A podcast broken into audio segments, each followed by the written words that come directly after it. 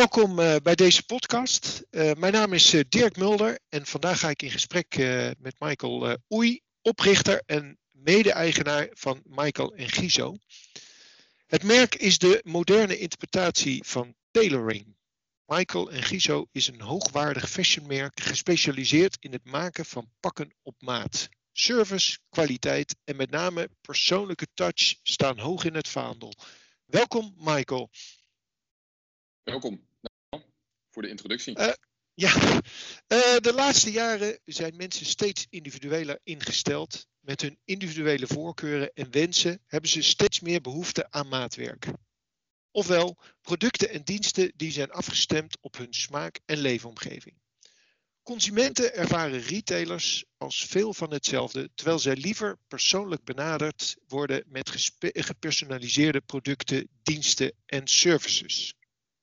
Bij personalisering draait het om het goed luisteren naar wat een klant wil en wie hij is.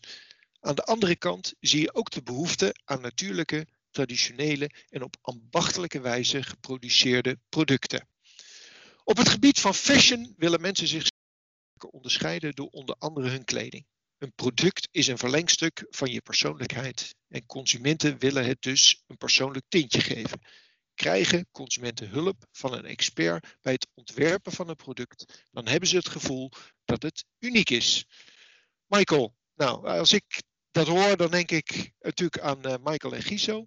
Uh, maar kan jij wat vertellen over, uh, over jullie bedrijf? En wat ik daarin ook wel interessant vind, wat maakt jullie anders dan andere makers van maatpakken?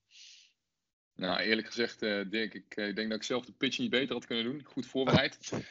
Nee, um, ja, wij zijn dus een bedrijf gespecialiseerd in het maken van uh, maatwerkshirts en, en, maatpakken. En tegenwoordig noem ik het ook wel maatkleding. Het is niet meer alleen maar gericht op, op shirts en pakken. En ehm, ja, wat ons denk ik wel onderscheidt is dat wij niet zo productgefocust zijn als de meeste kleermakers. Ik denk dat heel veel partijen in deze branche liefhebber zijn van het ehm, product. Wat we uiteraard ook zijn, maar daardoor ook alleen maar gefocust zijn op het product.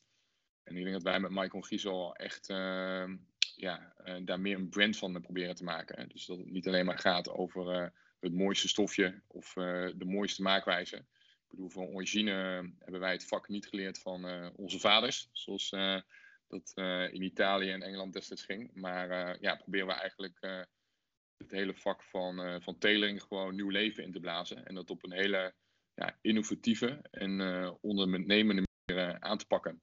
En dat, ja, ik denk dat dat wel echt het onderscheidende is als ik kijk naar mijn collega's. Dat we nog steeds wel een voorliefde hebben van het voor het product. Maar aan de achterkant ja, het allemaal wel een beetje in een nieuw jasje proberen te, hijsen. En ook ja, op een andere manier mee bezig zijn. En echt van Michael Giso een, een brand proberen te maken. Je had het erover, uh, jullie producten zijn uh, overhemden en, en uh, maatpakken. Heb ik, dat, heb ik dat juist? Ja, ja dat klopt. Ja. ja. Heb je helemaal juist. Oké. Okay. En um, pakken, dan praat je veel over, over mannen. Wat, wat, wat is jullie consumentengroep, doelgroep? Nou, ik vind het moeilijk om dat te definiëren in leeftijden. Want ja, ik zie eigenlijk dat mensen vaak kennis maken, ook aan het begin van de carrière. En dan loopt de weg uh, gedurende de carrière ook uh, klant blijven. Dat is natuurlijk het mooiste wat je kan, uh, kan, kan realiseren. En ik denk als jij investeert in die relatie, ja, dat je dat ook voor elkaar kan krijgen. Dat iemand gewoon instapt na zijn studie. En vervolgens, ja, wijze van met zijn bruiloft weer bij jou terechtkomt. En ook met de bruiloft van zijn kinderen weer. Dat is natuurlijk het mhm. mooiste, mooiste doel. En ja, hoe we dat bijvoorbeeld doen ook. We helpen ook altijd wel veel studenten verenigingen, dus uh, bestuursjaren, om, uh, om, om toch een stukje te sponsoren met een, uh, een eerste outfit waarbij ze goed voor de dag moeten komen. En ja, je ziet dat, dat die hulp die je destijds gegeven hebt zich ook altijd wel weer vertaalt in een stukje loyaliteit later in zijn, in zijn carrière. Dus ik, ik vind dat je het wel breed moet trekken, maar over het algemeen zijn het wel mensen die gewoon wel geven om ja, hoe, ze, hoe ze overkomen. Hè? Dus ik denk dat kleding is ook iets waarbij je gewoon jezelf uh, toont naar de buitenwereld. En uh, ja, als je, daar, uh, als je dat niet belangrijk vindt of je hebt daar niks mee, dan uh, kom je ook niet zo snel uit op een maatwerk overhemd of een maatpak. Ja, dat, dat begrijp ik. Maar jullie zitten wel voornamelijk in de mannenhoek. ja, we zitten voornamelijk in, in de mannenhoek, ja. Ja, en dan de, de, de jonge categorie of is dat niet aan leeftijd gebonden? Nee, het is in die zin niet leeftijd gebonden. Kijk, toen wij zelf natuurlijk begonnen in, inmiddels was het alweer 2008, kwamen we zelf natuurlijk ook uit de studentenbanken. En ja, dan heb je natuurlijk voornamelijk uh, leeftijdsgenoten. Mensen die ook aan het begin staan van een carrière. Maar ik moet zeggen, sinds dat we nu uh, met twee winkels uh, in Breda en Amsterdam opereren. Is dat we ook gewoon echt wel de doelgroep pakken die uh, rond de 40, 50 zijn. En ook gewoon op zoek zijn naar een, naar een mooi product. Wat misschien wel grappig is om te zien, is dat de jongeren bij je terechtkomen omdat ze alles strakker willen. En de ouderen bij je terechtkomen omdat ze wat nu in de winkels hangt, te strak vinden. Dus het juist losser willen. Dus uiteindelijk kunnen we natuurlijk twee kanten op. Ja, heel eerlijk gezegd, dat herken ik wel een beetje uh, als oudere dan. Ja. Uh, maar jij noemde het net al, hè? Wij, kennen elkaar eerder. Jij zei van, van, eerder, jij zei, uh, jullie zijn vanuit zeg maar de schoolbanken en dan gestart met een winkel, voornamelijk gericht eigenlijk op, op maat overhemden.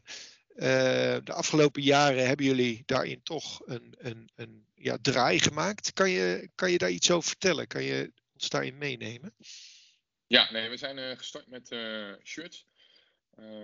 met name omdat wij gewoon ja, het heel gek vonden dat, dat, dat, mannen over het algemeen een overhemd kochten puur op basis van een ja, boordmaatje, ook wel je nekmaat genoemd. En dan ja, herken je dat wel, dan neem je dan mee naar huis, dat, dat shirt in dat plastic. En dan doe je hem aan en dan moet hij voor het algemeen helemaal passen op je lichaam. Nou, vaak blijkt dat natuurlijk niet te zijn, hebben we onderzocht. En inderdaad, 10% van de mannen past maar uh, confectieshirts goed. Dus het wil zeggen dat 90% eigenlijk uh, ja, gewoon een slecht zittend shirt draagt. Uh, wij zijn daar gewoon een maatwerkconcept omheen gaan bouwen. In beginsel online. Hè. We waren een beetje geïnspireerd door Nike met zijn Nike ID. dat je gewoon online je eigen schoen kon configureren. We dachten, nou, dat is misschien ook wel leuk om dat met, met je overhemd te doen. En het was ook een, een tijd en een trend dat het populair was om verschillende kleuren knopen, uh, binnenkantje van je kraag, extra hoge kraag, nou, noem het maar op. We hebben alle varianten wel gezien van de overhemden. Uh, zelf te ontwerpen of te designen. En ja, gaandeweg begon dat dus als een online shop eigenlijk. waarbij we de klant dus één keer konden zien en hij vervolgens online zijn herhalingsaankopen konden doen. Want dat was wel een beetje het businessmodel. Eén keer die klant zien en vervolgens online de sales uh, laten, laten doorrinkelen. Maar uh, ja, toen uiteindelijk een pop-up store op ons pad kwam, uh, merkten we toch wel dat we dat fysieke contact ook wel heel leuk vonden. En dat die klant eigenlijk wel meer behoefte had dan alleen dat shirt. Dus op een gegeven moment kwamen daar ja, de pakken bij. En, en, wij kwamen er ook wel achter dat het wel heel moeilijk is om een business puur te draaien op alleen maar shirts. Dan moet je gewoon echt heel veel shirts verkopen. Uh, nou, nu, nu, dragen wij natuurlijk wel veel, uh, veel overhemden. Maar ik denk dat Nederland aan zich wel klein is om puur een, uh, een shirtspeler te zijn. Of je moet echt heel erg prijsgefocust zijn. Hè? Je hebt natuurlijk een aantal partijen die een maatwerk shirt aanbieden. Misschien voor 50, 60 euro direct vanuit China. Maar ja, wij merkten wel dat wij daar geen affiniteit mee hadden. En niet, in die, die prijsstrijd terecht wilden komen, maar meer eigenlijk om de experience gingen van, voor de klant. En uiteindelijk ook uh, ja, een beetje het one-stop shopping model uh, wilden introduceren. We merkten gewoon dat mannen gewoon over het algemeen, algemeen heel loyaal zijn. En als jij gewoon die vertrouwen hebt opgebouwd met een mooie overhemd te past, dat ze dan ook wel graag dat pak door je laten aanmeten. Het, want daarover gesproken, je hebt het over, over productie, China. Waar laten jullie produceren en, en hoe ziet dat er precies uit? Je hebt natuurlijk verschillende facetten in tailoring. Hè? Je, je kan een, gewoon een maatwerkpak, of uh, je kan een, uh, vanaf stof kan je een pak maken, maar je kan ook zeg maar een ja, confectiepak nemen en dat vermaken. Hoe, hoe ziet dat jullie uit? Ja, nou in het beginsel begint de keten natuurlijk uh, hetzelfde. Hè. Uiteindelijk uh, wordt eerst dat schaap uh, geschoren. Dat gebeurt vooralsnog veel in Australië. Daar heb je echt de merino wol. Daar komen ook de mooiste wolsoorten vandaan. er komen ongeveer drie pakken kun je uit één schaap halen. Nou, en vervolgens ja, komen die, die stoffen terecht bij, bij stoffenhuizen die, die het weven. die maken daar dus stoffen van die verkocht worden aan de grote merken, maar ook verkocht worden per meter. En dan kom je een beetje in de tailoring business. En wij werken dus samen met verschillende productiebedrijven, die eigenlijk het vak van ja, individueel stukwerk beheersen. Dus het is anders dan massaconfectie, hè, waar je dus gewoon pakken achter elkaar maakt. Hier moet je echt kijken van, hey, deze klant heeft er gekozen om dit knoopje op het pak te zetten met deze voering, met eventueel deze initialen.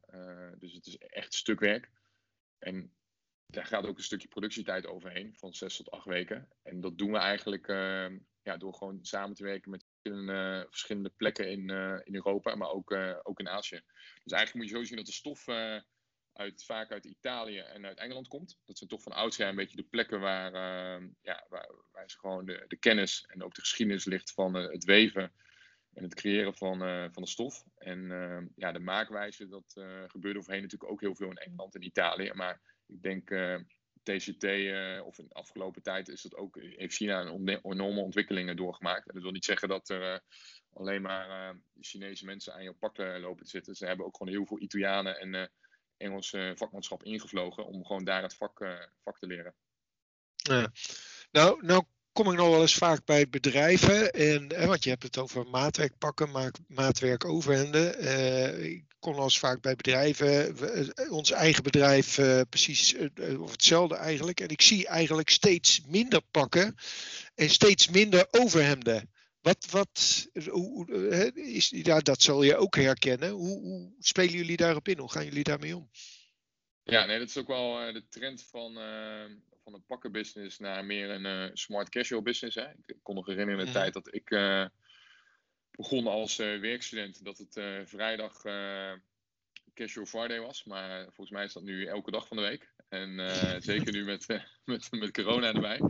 En ja, dat, kijk, dat, voor ons is dat niet in, iets nieuws. Ik, wij zagen dat ook al gebeuren, dat mensen gewoon steeds meer investeren in, in, in, in, losse producten. Dus losse jasjes, losse broeken, losse overhemden. En ik denk dat het voor de man gewoon iets meer een uitdaging is. En, en, en, iets meer advies nodig heeft om zich gewoon goed te kunnen, kunnen stylen. Kijk, het is gewoon heel makkelijk om een wit overhemd te strijken en, en, en een pak uit dezelfde stof aan te doen. En je ziet gewoon, over het algemeen ziet iedereen er dan gewoon goed uit.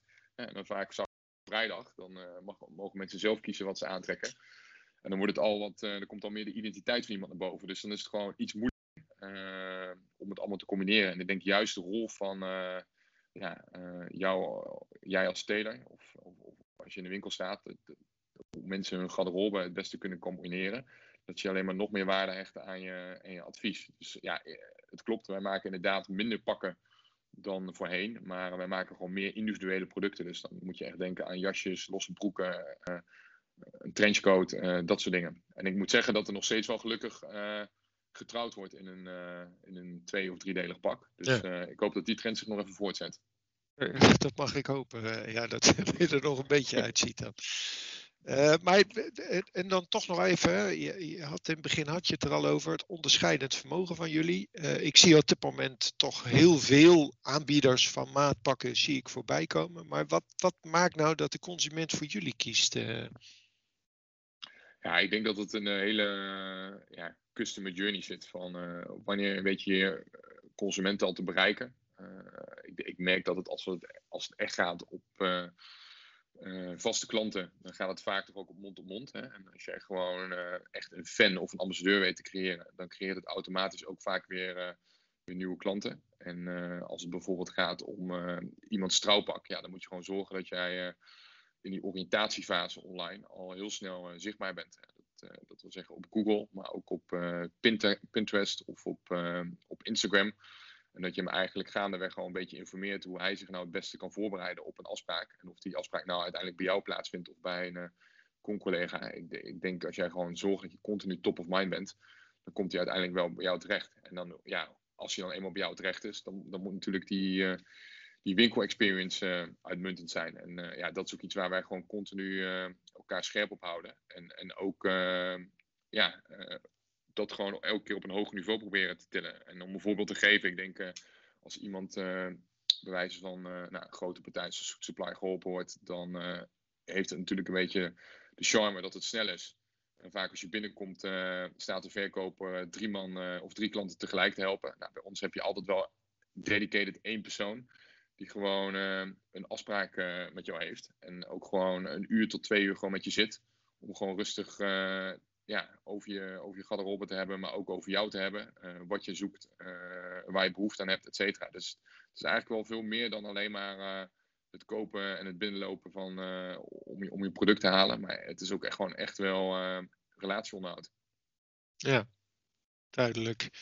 Um, ja, en daar komen we niet omheen, Michael. Maar toen kwam corona hè, in maart. En nou ja, we weten allemaal dat natuurlijk juist de, de fashion en de schoenenbranche eh, enorm hard geraakt zijn. Uh, komt natuurlijk toch ook nog eens een keer bij dat we met z'n allen thuis zitten en eigenlijk helemaal geen pak meer dragen.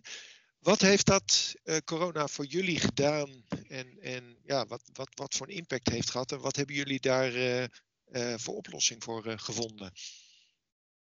Nou, corona kwam wel even op een spannend moment. Zoals ik je al aangaf, ja, we verwachten toen ook uh, ons eerste kindje. Nou, ik dacht dat dat spannend werd, maar uh, toen in één keer een wereldwijd uh, pandemie.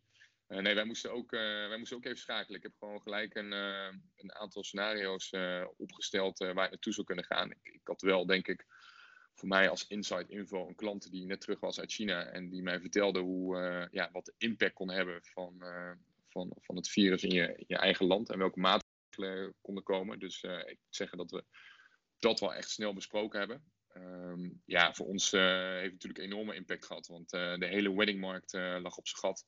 Met gewoon niet meer getrouwd. de stoffenhuizen in Italië leverden hun stoffen niet meer. Of er werden vertragingen veroorzaakt. Ehm, de productie in, in, in, Engeland en ook in Azië die, die lag stil. Maar ik moet zeggen dat door eigenlijk de, de keuzes die we het jaar ervoor hebben gemaakt. Door gewoon ook wat meer te spreiden uh, qua leveranciers. Dat je zag wanneer de een dicht ging, de ander weer open.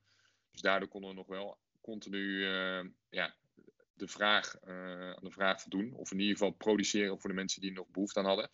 En waren we ook niet afhankelijk van één leverancier. Ik, ja, ik heb er nooit zo bij stilgestaan wat risicospreiding nou precies inhield. Hè. Zeker niet als het ging om aan, aan, de supply kant. Maar ja, moet zeggen, als dan de hele wereld plat ligt dan ervaar je wel ehm, hoe belangrijk dat is. En ehm, ja, dat je gewoon niet op, uh, op één paard gokt. Ook al ben je er heel tevreden mee. Uh, maar dat je gewoon de mogelijkheid hebt om nog uh, te kunnen leveren.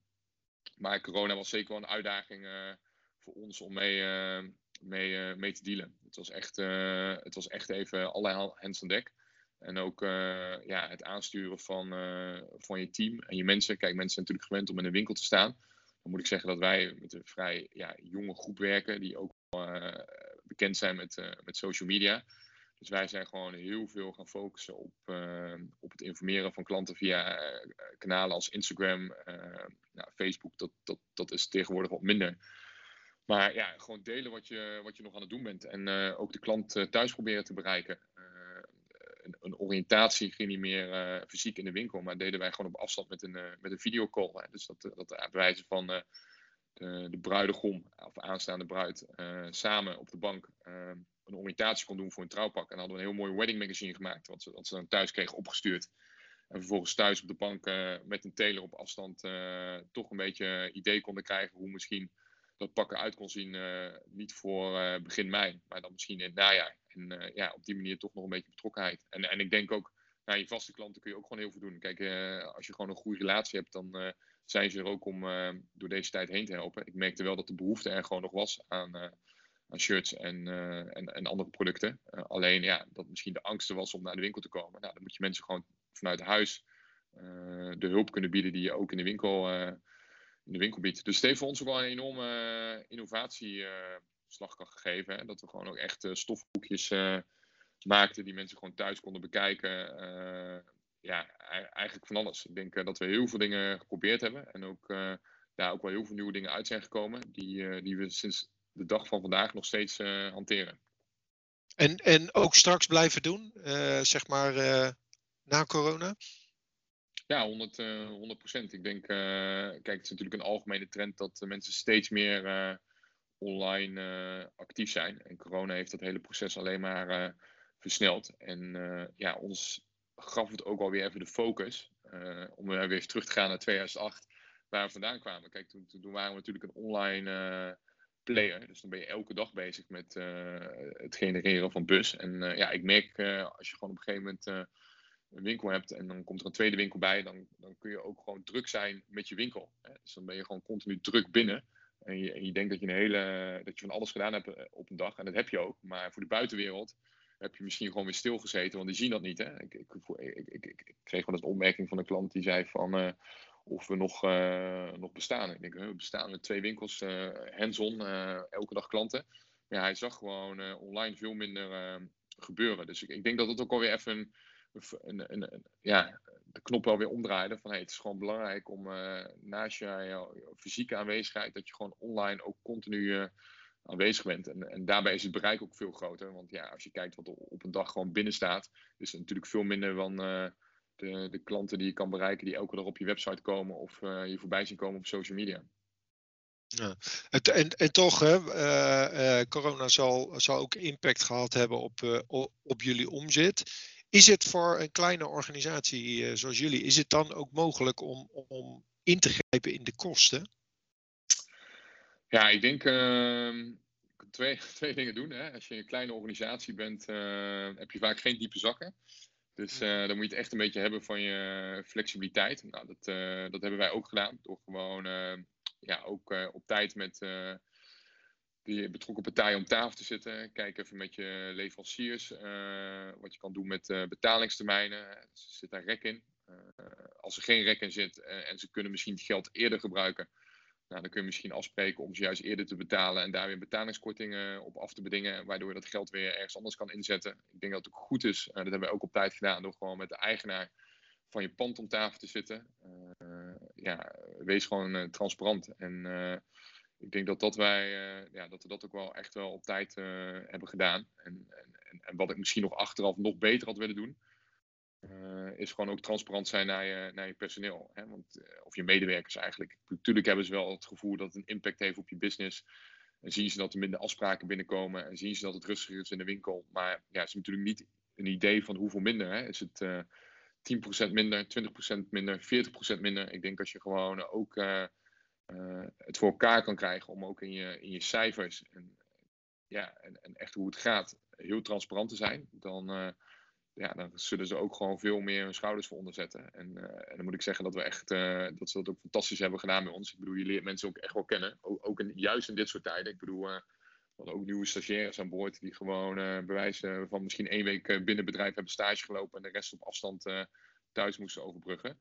Maar uh, ik denk uh, ja, transparant zijn naar, naar, iedereen, maar ook uh, naar je mensen. Dat heeft ons wel echt, echt erdoor, doorheen geholpen. En, en ook gewoon voor gezorgd dat iedereen gewoon nog aan boord is gebleven. En ook meegedacht heeft van nou, hoe kunnen we nou flexibel zijn met, met de kosten. Mooi zeg. Um, je had het er net ook over, een deel van jullie productie vindt in Engeland plaats. Dan zitten we straks voor het grote probleem Brexit. Hoe, hoe gaan jullie daarmee om? Wat, wat is de impact daarvan uh, op, op een bedrijf als dat van jullie? Ja, nou, ik denk dat Brexit uh, ons natuurlijk iets meer uh, tijd heeft gegeven tot nadenken dan dat corona dat, dat heeft gedaan. nee, wij zijn hier al, al twee jaar mee bezig. het regelen met de juiste vergunningen.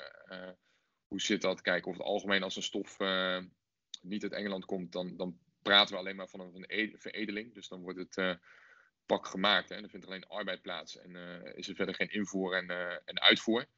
Uh, ja, als het gaat om, om, om, producten die echt daadwerkelijk uit Engeland komen, ja, dan, dan, dan, zijn er gewoon, dan moet je gewoon nu zorgen dat je alles gewoon goed voor elkaar hebt. En dat eigenlijk de klant niet langer hoeft te wachten op je product. Kijk, in mijn geval zijn ze natuurlijk al gewend om, om zes tot, tot acht weken te wachten op een, op een producten. Dus in die zin zit dat al in, ja, in de mindset van, van de klant.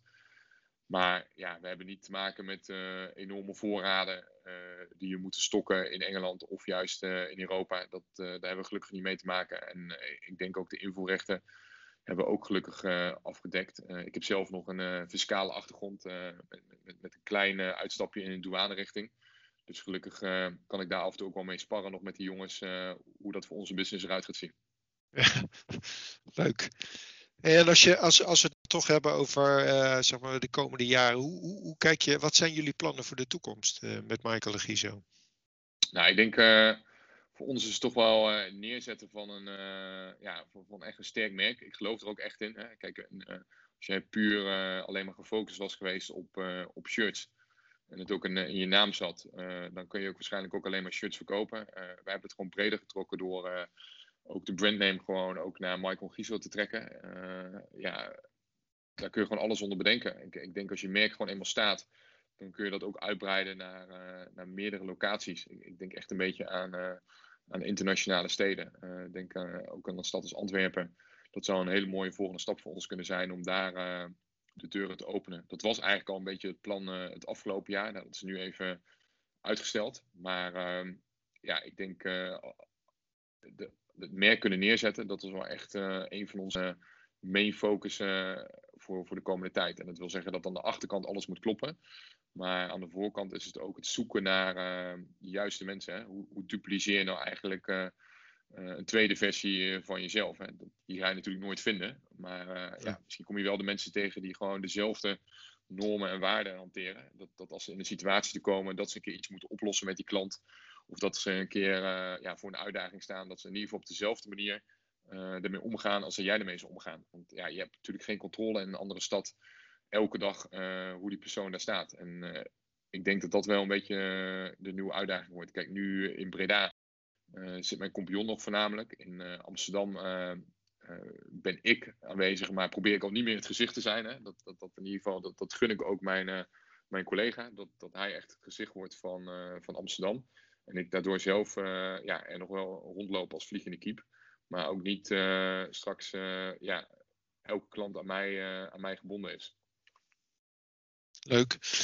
Um, maar goed, als je, als je dan toch, hè, ik heb al wat gehoord, maar als je dan toch terugkijkt op die, die afgelopen periode, dan denk ik misschien hè, jullie groeijaren, maar ook corona. Heb jij dan nog tips voor andere ondernemers?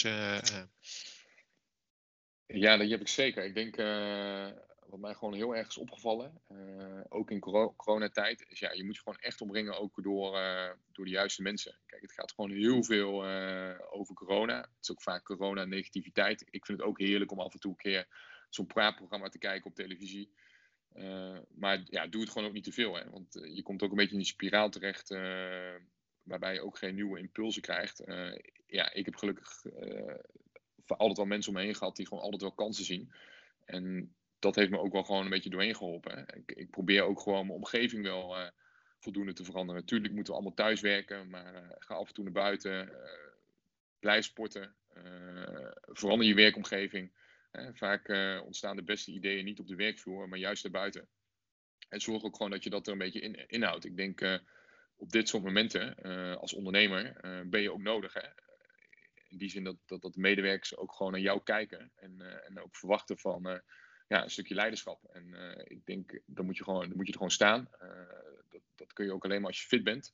Dus zorg ook gewoon goed voor, je, voor jezelf. Dat is ook één ding wat ik altijd wel uh, de afgelopen half jaar, afgelopen jaren gedaan heb. Ik zie het zelfs aan mijn collega. Hè, die was altijd iets minder van het sporten dan, dan ik. Dus een collega bedoel ik mijn, mijn compagnon. Maar hij zit nu zelfs in een app en een sportgroepje. Dat, dat noemen ze smerig fit. En ik heb ook nog nooit zo'n smerig fit gezien. En uh, ja, ik, ik vind het gewoon mooi om te zien. Ik zeg, uh, ja, dat, ik bedoel, dat is misschien wel het, uh, het belangrijkste. Dat, dat je gewoon ook in, in dit soort tijden gewoon, ook gewoon fit bent. Om gewoon, gewoon te staan. Ik, ik heb zelf ook veel, ja, veel meegemaakt met, natuurlijk met de zaken. Maar ook, wat ik net al aangaf, de rapporten van onze dochter Verlies. ik heb ook de afgelopen maanden nog mijn moeder verloren.